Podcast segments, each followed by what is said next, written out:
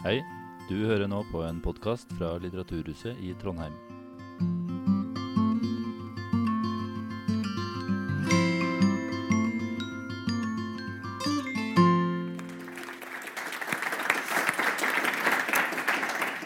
Yes, takk for det. Eh, mitt navn er Ola Innseth. Jeg er historiker og eh, redaktør for eh, Vinduet. Eh, vi skal snakke om eh, politikk, om politiske ideer. Eh, kanskje er det ikke så mange politiske ideer i den praktiske politikken. I hvert fall ikke lenger etter at Torbjørn Røe Isaksen, som ved min side sitter, forlot partipolitikken og er nå samfunnsredaktør i E24. Men har jo vært statsråd, eh, medlem av Høyre, Unge Høyre eh, osv. Og du har på et eller annet vis har du klart å skrive denne boka her var konservatisme mens du var statsråd. Utrolig nok. Mistenkelig, men greit. Eh, Den er egentlig skrevet av en sånn fabrikk i India. ja, det var det jeg ville litt fram til. Ja. Underbetalt.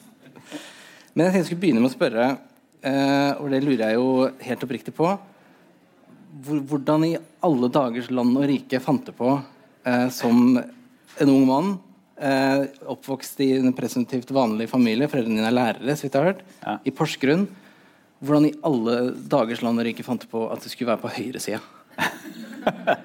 Ehm, nei, altså det er et godt spørsmål. eh, For det, Porsgrunn um, Porsgrunn jeg kom fra, er jo, ikke, er jo en veldig svak høyreby. det må sies. Så jeg alltid, synes alltid var veldig overraskende sånn jeg møtte, etter hvert da jeg ble med i politikken og møtte folk fra sånn høyrebastioner, om Bærum f.eks., eller hvor det, hvor liksom det var en slags sånn naturtilstand at folk stemte Høyre. Så Porsgrunn er en by hvor Høyre har på sitt beste liksom Høyres kanonvalg så har det vært oppe i 20 da jeg ble med. Så var det ja, 9,5, eh, 10,3 eh, og noe sånt. Um, så ja, altså jeg kommer jo fra Jeg kom, jeg kommer jo fra et, øh, et liksom sånn småborgerlig, ordentlig hjem. da Så Jeg kommer fra et hjem hvor uh, mora og faren min er lærere i, i, har vært i grunnskolen, begge to. Men, uh, men også uh, sånn vi kledde oss pent når det var søndagsmiddag, og pappa vasket ikke bilen på søndager. Eh, jeg husker også en gang han sa at eh, han flagget ikke på Og de var ikke veldig politisk aktive. Altså, eller de var ikke politisk aktive i det hele tatt. Jeg kan ikke huske, jeg har ikke vokst opp med sånn Stoltenberg sånn, Vi diskuterte alltid politikken middagsbordet. Jeg har aldri huska at vi gjorde det. i det hele tatt. Men jeg husker pappa en gang sa at han flagget ikke på 1. mai fordi det var noen i rekkehusborettslaget som vaska bilen på, på søndager. Som han sa, når de ikke respekterer min helligdag, hvorfor skal jeg respektere deres? Eh, så det er vel kanskje litt sånn arv... Ja, ja. Du har fått litt konservatisme inn uh, med morsmelka. Ja. Men det må ha vært et eller annet Jeg har til og med hørt rykter om at du hadde plakater av Margaret Thatcher på rommet ditt. Altså, Ja, ja, hva var det som appellerte til deg med, med det? Nei, men altså, jeg tror, altså, Poenget er at jeg blei altså, det, jeg tror det som, og Dette skjønte jeg ikke da. bare så jeg har sagt. Mitt første leserinnlegg i Porsgrunns Dagblad det het 'Maskiner i Aps Nirvana'. Eh, da var jeg 16 år, hadde både hørt på Raga Rockers og jeg hadde lest liksom masse sånn konservatisme og liberalisme. ikke minst, Men det jeg har skjønt i ettertid, var jo at det å, altså i Porsgrunn så var jo det å ikke bare bli med i Høyre, men til og med bli en ganske sånn liberalistisk høyremann. Eh, høyre, ung, Høyre-ungdom som mente at staten var i veien, og sosialdemokratiet var dødfødt, og velferdsstaten var undertrykkende, og alle disse tinga som ofte følger med det å være ung og litt naiv. Da. Det var jo et slags opprør, det. Eh, så det passa veldig godt inn. Så jeg følte, meg ikke, jeg følte meg på ingen måte konservativ da jeg var 16. Snarere tvert imot så var det i meg litt sånn jeg var litt irritert på Jeg hadde mange venner i AUF, og sånn, og var liksom, de var liksom innhylla i en sånn byråkratisk, teknokratisk, elevråds, sosialdemokratisk elite som drev og lekte politikk og sånn. Jeg var ikke opptatt av det. Jeg skulle ut og forandre verden. Jeg var opptatt av undertrykkelse og storpolitikk og frihet og kapitalisme og sånn. Men da var jeg ikke spesielt konservativ. da. Nei, for det var det skulle være mitt neste spørsmål. Nemlig, fordi eh, eh, du begynte jo egentlig som liberalist, så vidt jeg har skjønt. Ja, og, tror det. har du, og så har du bytta, da. Senere. Altså, for jeg tenker jo så jeg er da venstreorientert. Jeg kaller meg for sosialist osv. Bare skjønner jeg hvor spørsmålene kommer fra. Jeg tenker at Det å være liberalist Det er jo sånn artigere måte å være høyreorientert på. i hvert fall. At da, som du sier, da har du liksom Da har du en slags høyere himmel, Ja. og du har visjoner om å skape en bedre verden osv. Så, videre. så det har jeg egentlig litt medforståelse for. Men så har du altså gått bort fra det også, for å bli konservativ. Men kan jeg, før, før jeg sier noe om det, Ola, kan jeg bare si noe om Tor om hva den boka her er? Ja, det Ja, hvis man, eh, for at, eh, det, er, jo, det kan være greit å Siden nå gikk vi rett på liksom, hvorfor meldte jeg meg inn i Høyre, og sånn som jeg da for øvrig også har meldt meg ut av, da, siden jeg har gått over i pressen. Men um, dette er jo en del av Hva er-serien til Universitetsforlaget. Så det er viktig å si at den, den skrives jo Det er bitte lite grann om hvordan jeg begynte å kalle meg konservativ. Men det er jo et forsøk innenfor en sånn ri, altså det er et forsøk på en rimelig tolkning av hva konservatisme er. Ikke bare hva jeg mener konservatisme burde være, eller hva jeg syns er fint eller bra. eller noe sånt. Eh, og skrevet da innenfor vi, Vil mene at selv om jeg aldri hadde vært høyremann, så kunne dette også stått seg sånn akademisk. da. Det er viktig å si det. Ja, det kan jeg, Så, skrive, kan jeg skrive det på. ja, om akademiker. Ja, Det er en fin introduksjon til konservatisme. Men samtidig så er det jo noe der med at Men jeg er enig at men, men poenget er at jeg, jeg oppfatta det kanskje stikk motsatt. Altså En ting er at uh, det, er, uh, det er lett å liksom, To ting da det, når man tenker på sånn, min ungdommelige liberalisme kontra ståstedet mitt i dag. Det ene er at det er lett å være kritisk, litt sånn abstrakt kritisk til institusjonalisert barndom gjennom barnehager før man får tre barn selv. Eh, ikke sant? Det, er, det er et eller annet der at man blir voksen. Men det andre, som kanskje er enda viktigere, det er at eh, mer og mer så, så har liberalismen for meg framstått som en altså en veldig mektig sånn overideologi. Eh, og jeg er jo liberal i den forstand at jeg tror på liberal rettsstat og liberalt demokrati og rettigheter for folk og sånn. Men liberalismen er jo også en litt sånn en litt, en litt hul ideologi i den forstand at den sier veldig mye om alle rettigheter du har, veldig mye om individet, men den sier lite om alt det som gjør oss til mennesker av kjøtt og blod.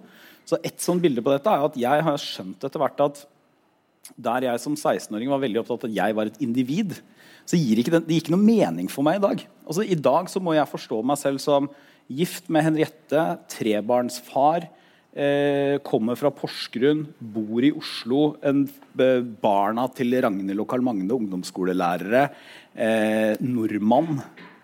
Eh, altså De identitetene er mye viktigere tror jeg, både for å forstå hvem man er, men også for å forstå hva som gjør at et samfunn henger sammen, enn å starte med dette individet. da.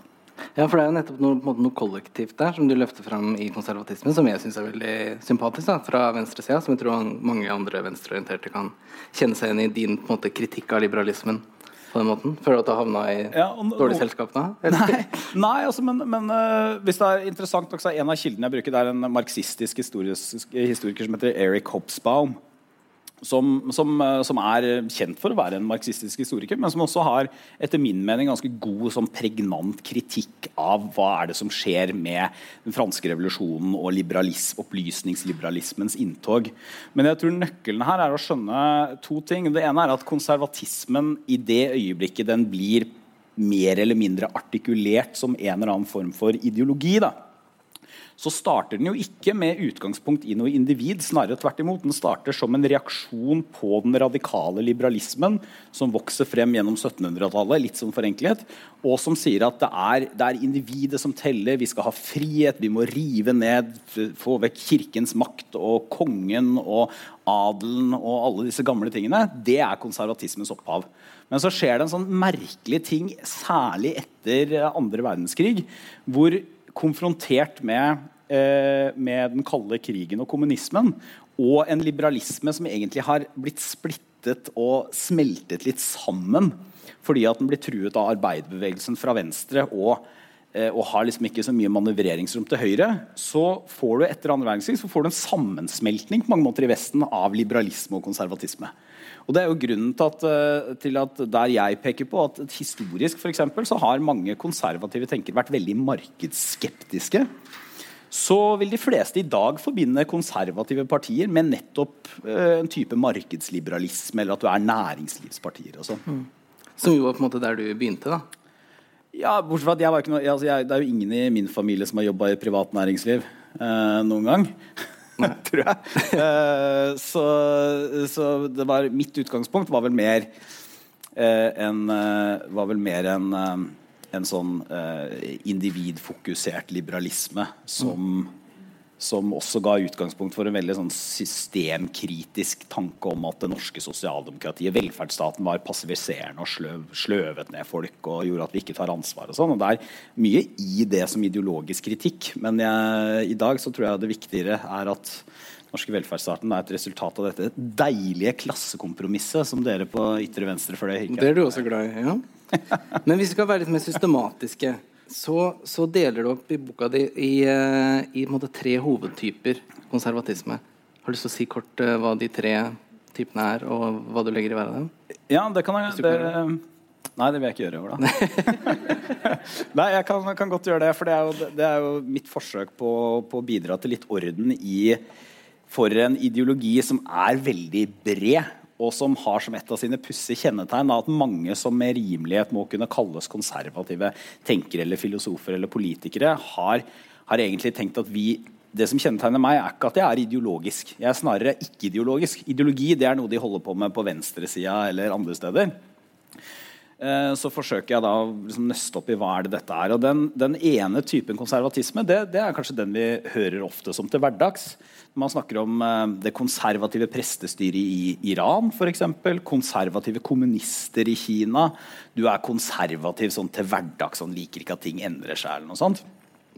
Og det er rett og slett konservatisme som eh, vi liker det som er. Og hvis vi skal endre det, så må det skje veldig veldig sakte. Det er én type konservatisme. Så har, du, så har, du, den andre ytterkanten, og det er en type konservatisme som har vært veldig dominerende og veldig viktig i USA. Og Den representerer på mange måter det totalt motsatte. altså Den er veldig antiutilitaristisk, hvis, hvis folk har et forhold til det begrepet.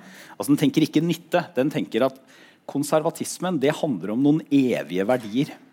Så de evige verdiene, de, de ofte religiøst begrunnet, eh, det betyr ikke at vi vet akkurat akkurat hvordan liksom, denne evige moralske orden, som representerer noe som er riktig og galt, uavhengig av historisk kontekst, akkurat hvilke svar den gir på hva slags helsepolitikk eller skattepolitikk man skal ha.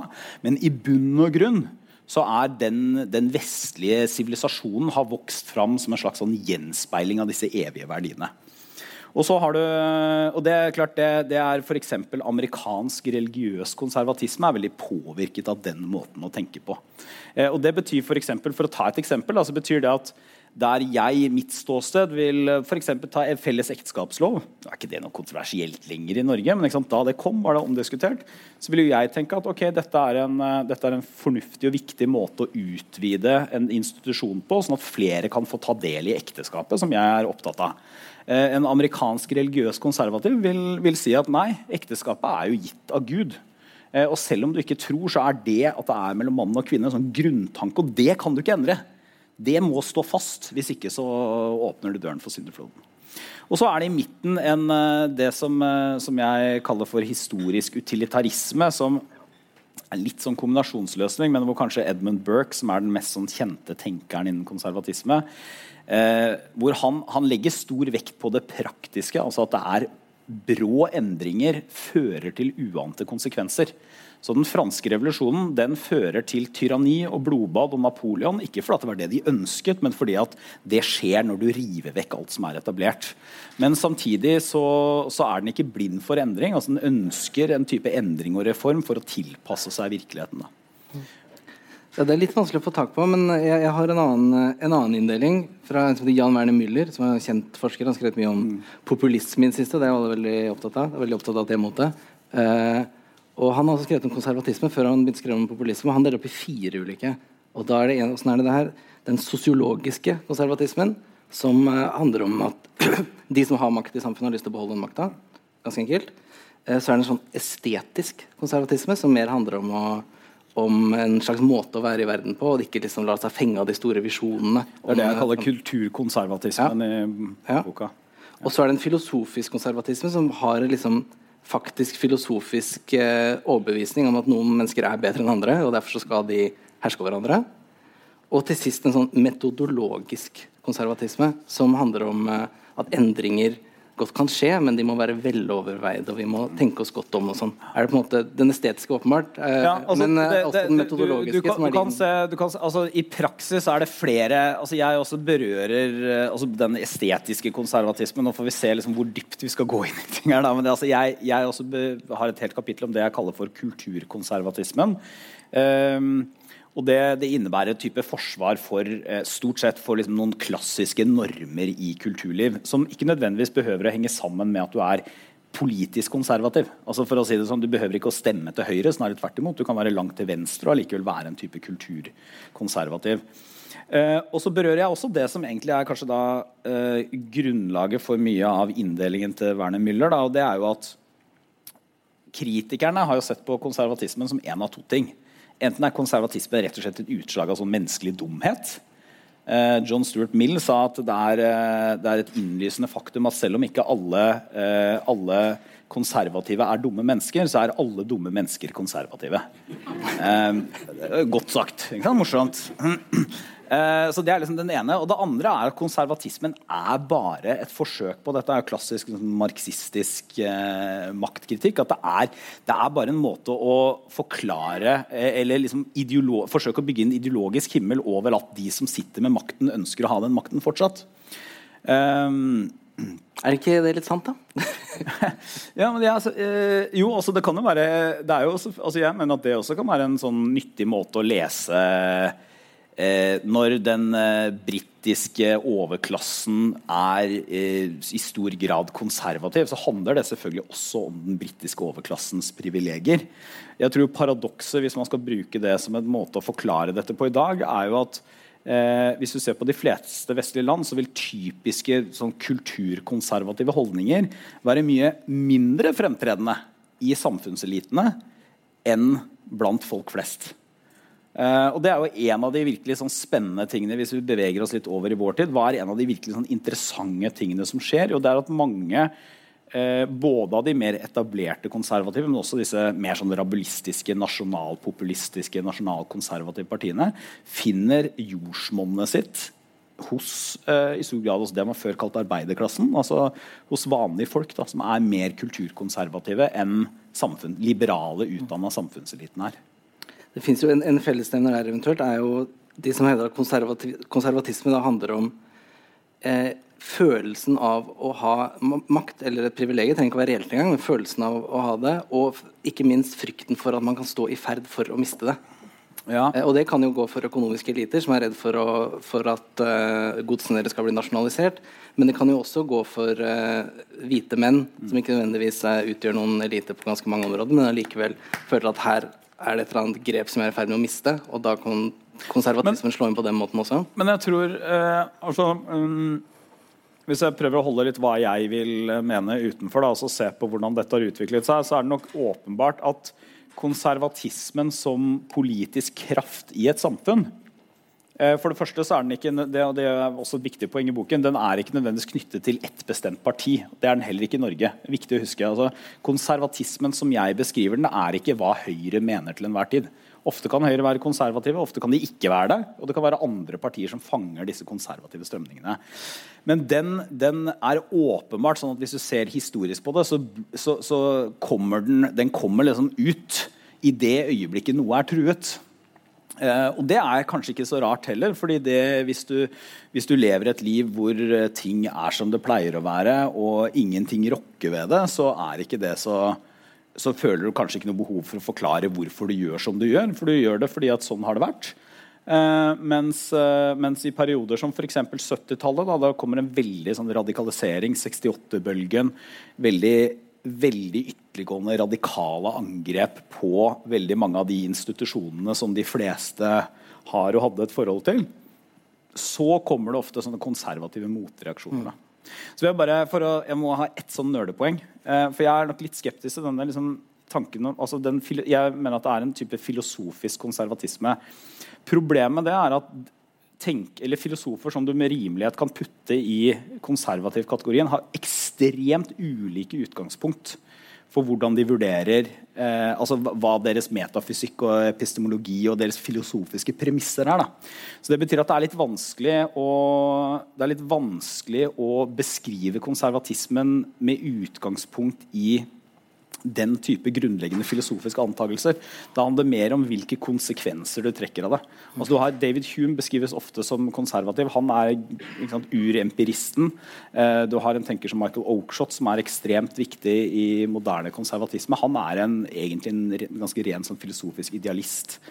Um, ja, det er jo noe med at det er rett og slett vanskelig å få tak på. fordi Hvis det handler om å bevare det bestående, i stor grad, så vil jo siden ulike samfunn til ulike tider er forskjellige, så vil jo det de forsøker å bevare, være forskjellig. Og dermed så vil de jo ha Ja, og det, det, er en av, og det er jo en av svake altså Det er et av de sånne evige dilemmaene. Alle, alle ismer har jo sine ulemper. ikke sant? Eh, sosialismens er ja, men eh, ok, fellesskap, hva hvis fellesskapet blir undertrykkende? Liberalismens er ok, hva hvis individualismen fører til oppløsning av fellesskapet? Og konservatismens er jo ja, men hvis du er så skeptisk til endringer, så må det forutsette at det, du liksom tenker at det du har, er bra. Men hvorfor er det det? Eh, Det er et godt spørsmål eh, som vi ikke rekker å svare på nå. Men eh, konservatismen har jo da altså, sant, Sett bort ifra det, så har konservatismen en del ganske vektige argumenter for i seg selv hvorfor er det som eksisterer, har en viktig verdi. Fordi at vi kjenner det, vi forholder oss til det.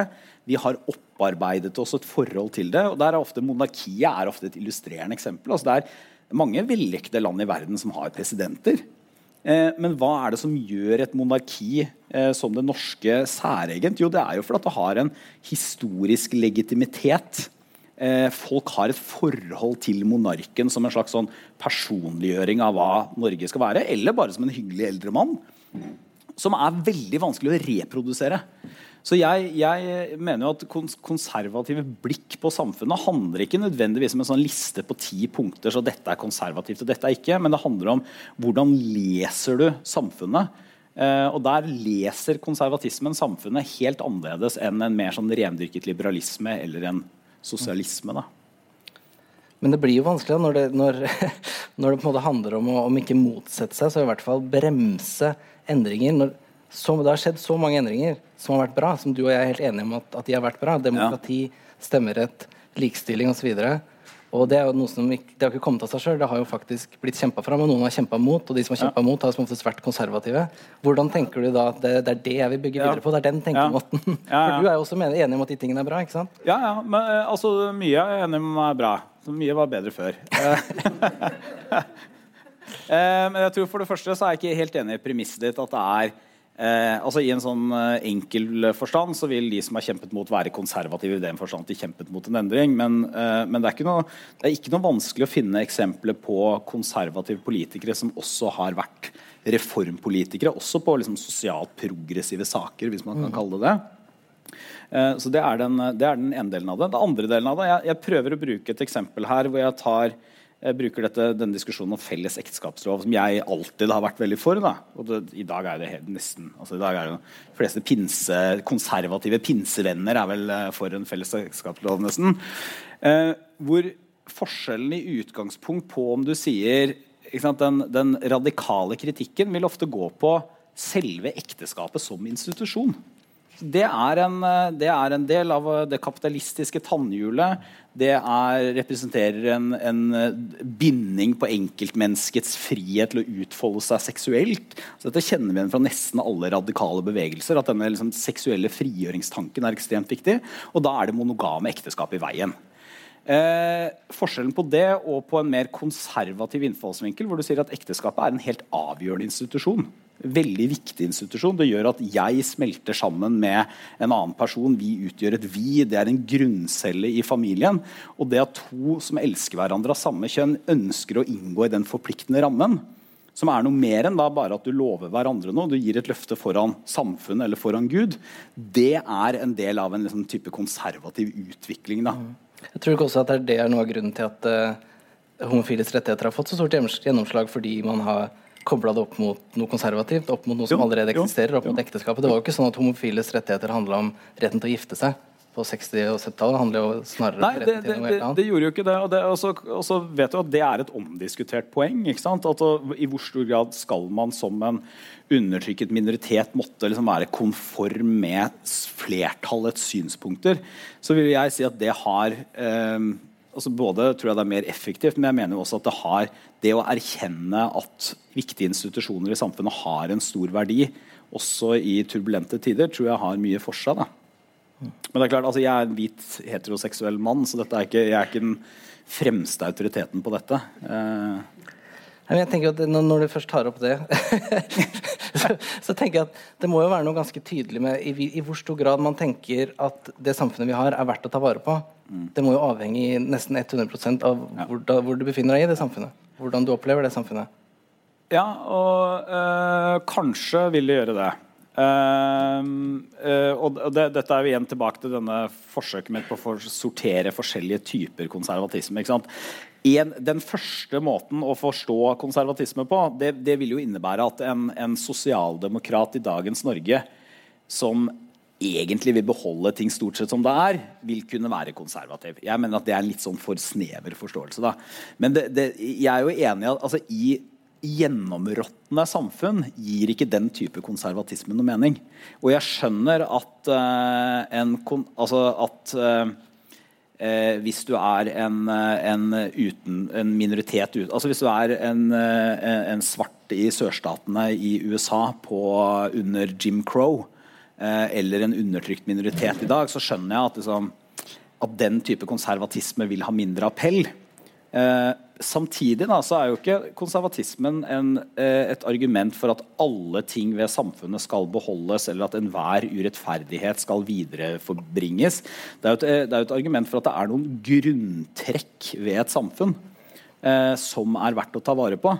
Og I dagens Norge så er jo det ting som eh, rettsstat, tillitskultur, også en felles nasjonal kultur. Noen nedarvede normer og verdier som jo vil endre seg over tid. Men det er kanskje ikke noe poeng at de endrer seg eh, ekstremt raskt. I hvert fall ikke noe poeng i seg selv. Men hvis, hvis, konservatismen bare handler om å bevare de tingene som er verdt å bevare, ikke de dårlige tingene, bare de gode tingene, gir det noe, noen som helst Eh, hjelp til å forstå hvilke ting det er vi bør bevare, og hvilke ting det er vi kan gå videre fra. Det gir ikke noe fasit. Uh, og det er jo en av de tingene som jeg uh, ja, Jo, det, jeg mener at det gir en hjelp. Det har i hvert fall gitt meg mye hjelp. Så det er en slags sånn selvhjelpsbok, dette her, men, men det, jeg, jeg, vil jo mene at det ikke gir noen bestemt fasit. Det er et perspektiv som du kan bruke for å lese og forstå samfunnet. men jeg syns også det er et av Altså, det er et veldig viktig poeng i seg selv at ofte liksom, noe av din kritikk nå, eller det du pirker litt i, da, det er at jo, men dette gir jo ikke, gir jo ikke mening. Altså, du, det, det, du, får ikke dette bildet. Du tegner eh, sånn 1 til 2 til 3 til 4 til 5, og så kommer det ikke et klart og tydelig bilde frem. Men virkeligheten er jo ikke alltid klart og tydelig. Klar og tydelig. Altså, vi, vi er, virkeligheten er uoversiktlig. Ting er, verden er komplisert. Eh, det, er, det fins svart og hvitt i noen tilfeller, men ofte så er det varianter av gråsoner. Og en av mener jeg, konservatismens sånn viktige innsikter er jo at de som forsøker å hamre denne virkeligheten inn i en fastlagt form, for det er så viktig at det blir en firkant, og at alle regnestykker går opp, de risikerer å gjøre skade på virkeligheten. Du, du, setter ideologien din foran verden som den faktisk er. Og jeg tror ikke i vår tid at det å eh, si at ting er vanskelig og komplisert Kanskje ikke noen som går i tog for at ting er vanskelig og komplisert, men det er jo sannsynligvis sannheten. da. Ja, jeg er helt enig i det. Three chords of the truth, ja. som Bob Dylan sa. Og jeg har jo selvfølgelig ikke lest denne boka med et åpent sinn i det hele tatt. Jeg har lest den og prøvd å finne noe å hakke på, men det er jo nesten kul umulig, Torbjørn. Eh, og det står så mye koselig og fint her. For eksempel her er det et jeg har streka ut. Hvis konservatismen har et bidrag, er det fordi vi har noe å ta vare på. Mm. Og hvis konservativ politisk innsikt gir noe, er det fordi det i arsenalet av historie, tradisjon, kultur og fellesskap ligger elementer som kan hjelpe oss med å navigere i både finvær og storm. Men, men ta, ta, la oss ta noen konkrete eksempler på hva kan det være. For eksempel. Hvis du, eh, nå er det litt dumt å hoppe rett inn i hoppe over liksom, velferdspolitikk og skatt. og alle de tingene som er viktige, Men ta, ta et sånn enkelt spørsmål som skolegudstjeneste. For eksempel. Hvilket forhold skal vi som samfunn ha til kristendommen? Eh, og Det er et av de områdene hvor jeg, eh, hvor jeg med mine briller på eh, vil mene at det er et ekstremt avgjørende altså Ikke bare sånn det er hyggelig med en skolegudstjeneste. Det er veldig avgjørende for et samfunn at man klarer å holde koblingen sin til det som har vært tidligere. Også i en tid hvor færre kaller seg personlig kristne. betyr ikke at vi skal forkynne i skolen, men betyr at den koblingen er avgjørende. Så kan det oppsummeres i en skolegudstjeneste, men også i og for seg i hvordan hele samfunnet vårt forholder seg til og snakker om det som er kommet før. Eh, og det er, eh, det er jo en eh, er ikke, jeg, jeg, er ikke tilhenger av altså Jeg mener at det er eh, veldig ødeleggende hvis du liksom skrur opp kulturkrigene. Så jeg håper jo at, eh, at vi skal klare å liksom holde mye av dette som konsensussaker. Men det er veldig mange av den type spørsmål som er ekstremt betente politisk og kulturelt. Eh, og, som, eh, og hvor du, ikke sant, som jo kommer frem av dine spørsmål nå, du vil jo lese samfunnet på en helt annen måte. For du vil lese det som liksom, grunnleggende undertrykkende, og derfor er det radikal endring både ønskelig og antar jeg mulig. da. Eh, mens jeg vil jo mene at det verken er ønskelig og sannsynligvis heller ikke mulig. Eh, så Det er jo, det er jo liksom menneskets svøpe at vi kan ha store drømmer, men det er vanskelig å iverksette dem.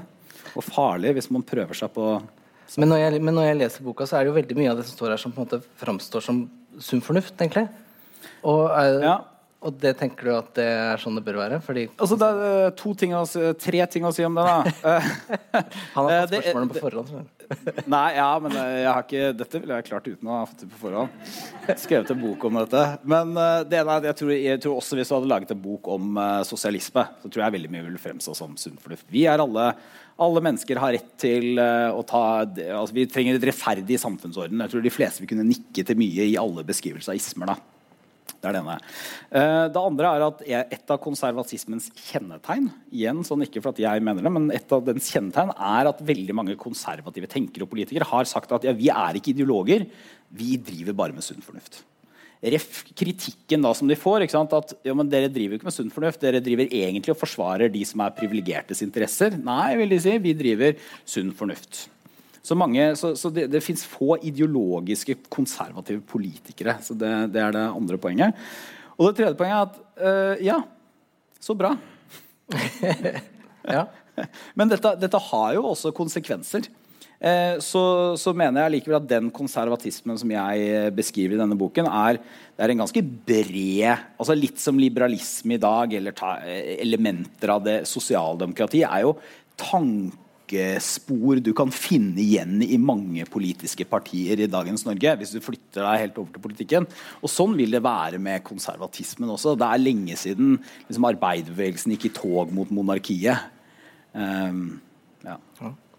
Hvis vi skal eh, avslutte med noe vi er enige om, så skriver du jo fint om Eller det er fint at du tar med noe om eh, konservatismens på mørke sider. Ja. Og, og som sosialist så har jeg stor forståelse for at det er kjedelig når det kommer noen og setter nasjonal foran ideologien din, og så plutselig er det blitt fascisme.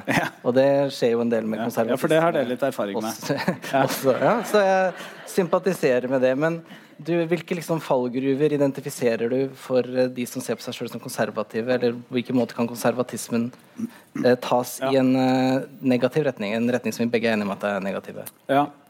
Um, nei, det er kanskje det mest Hvis du ser på konservatismens rolle akkurat nå, så er jo det store paradokset sånn sett fra mitt ståsted det er at jeg mener konservatismen har både noen sånn grunnleggende innsikter som er viktige i vår tid, samtidig som mange av de bevegelsene jeg er mest bekymret for, henter mye fra konservatismens tankeloft. da.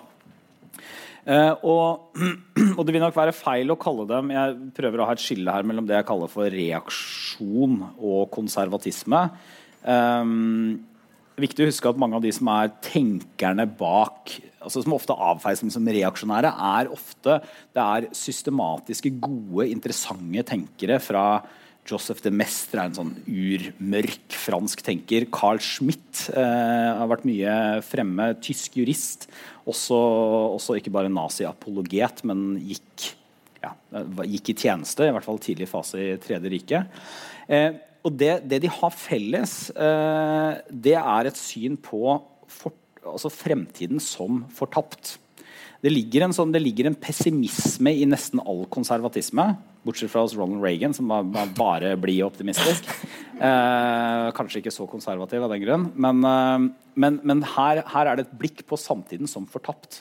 Altså, det har skjedd et eller annet syndefall, og det syndefallet kan ha vært eh, velferdsstaten i 1945 eller den franske revolusjonen eller renessansen eller 68-erne.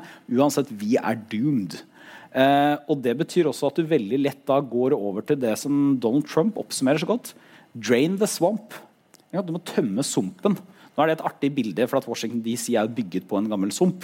Så det er ikke bare sånn uh, harry. Litt sofistikert. Men hva er Donald Trumps Han er ingen konservativ, men han har åpenbart liksom rundt seg eh, folk som både kaller seg og forsøker å hente ting fra konservatismen. Og tanken er at systemet er så gjennområttent at det må rives. Så Du ender opp med det som vi også så i eh, Tyskland på 20-tallet, nemlig konservativ radikalisme.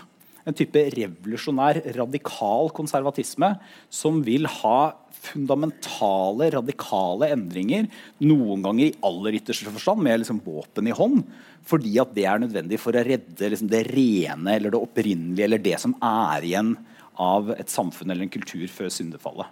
Det kan man se på noen slags sånn aktivistisk konservatisme, nesten, da, som da er en slags motsetning. Ja. Bør ikke kunne være aktivistisk hvis du faktisk er konservativ. Nei, det, Men det viser seg jo at og her er jo, øh, nå er det, det, er mulig å sette en grenseoppgang altså Både liksom fascisme, som du nevner, nå er det et ganske bredt begrep. Men liksom klassisk fascisme er det ikke.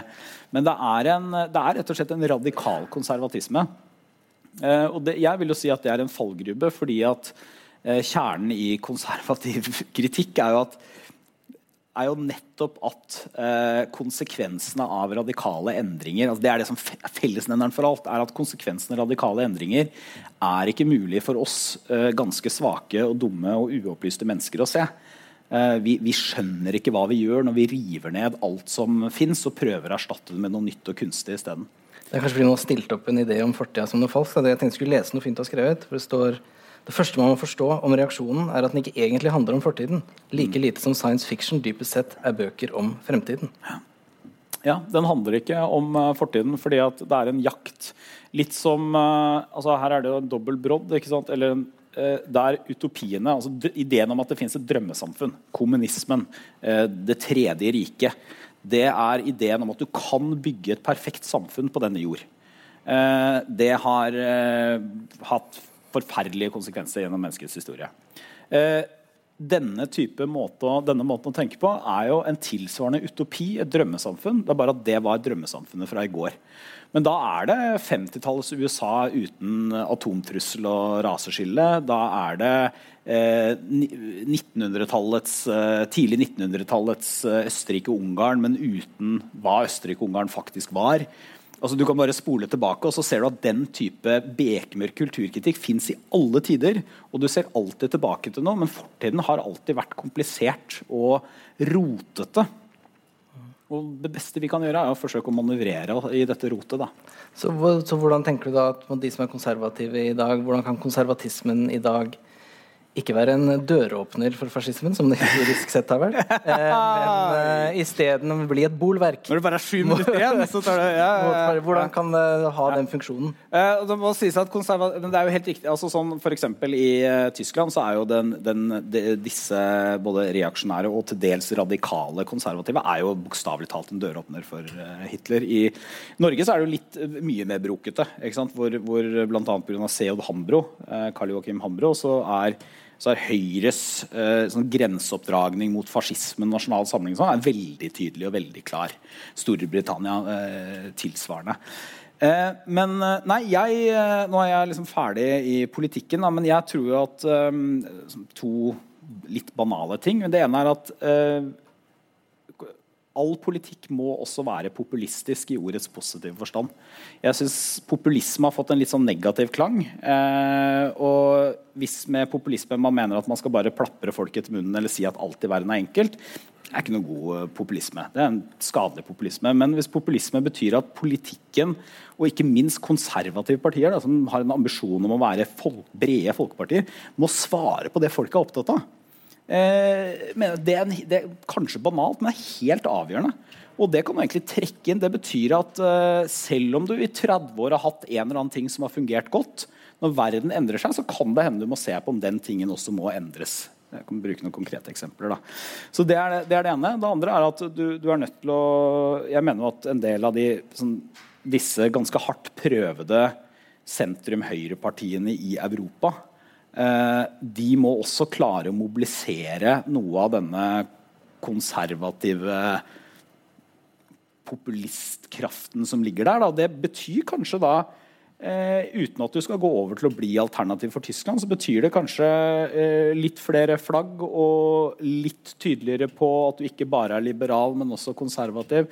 Litt klarere på at globalisering kan, er bra, men har også noen skyggesider.